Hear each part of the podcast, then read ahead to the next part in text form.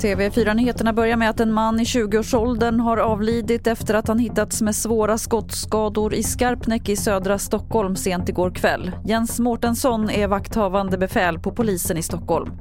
Klockan 00.30 då så fick vi in att han var avliden till följd av de här skadorna.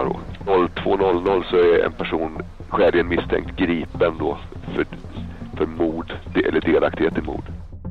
Och tidigare under kvällen skottskadades en jämnårig man i Farsta inte långt därifrån och polisen tittar på om det finns någon koppling mellan de båda skjutningarna.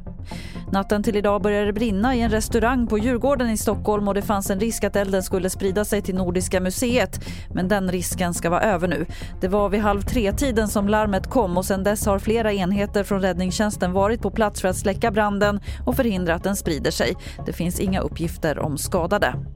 Igår kväll kom den dubbla OS-guldmedaljören Nils van der Poel tillbaka till Sverige och på frågan om han ska fortsätta efter framgångarna i Peking svarar han så här. Uh, jag kommer fortsätta åka skridskor på något sätt. Uh, jag tror inte jag kommer fortsätta försöka vara bäst i världen. Alltså, de mål jag hade och det jag drömde om, det har jag haft att göra.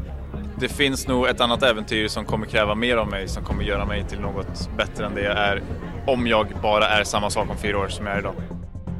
Och fler nyheter det finns på tv4.se. Jag heter Lotta Wall.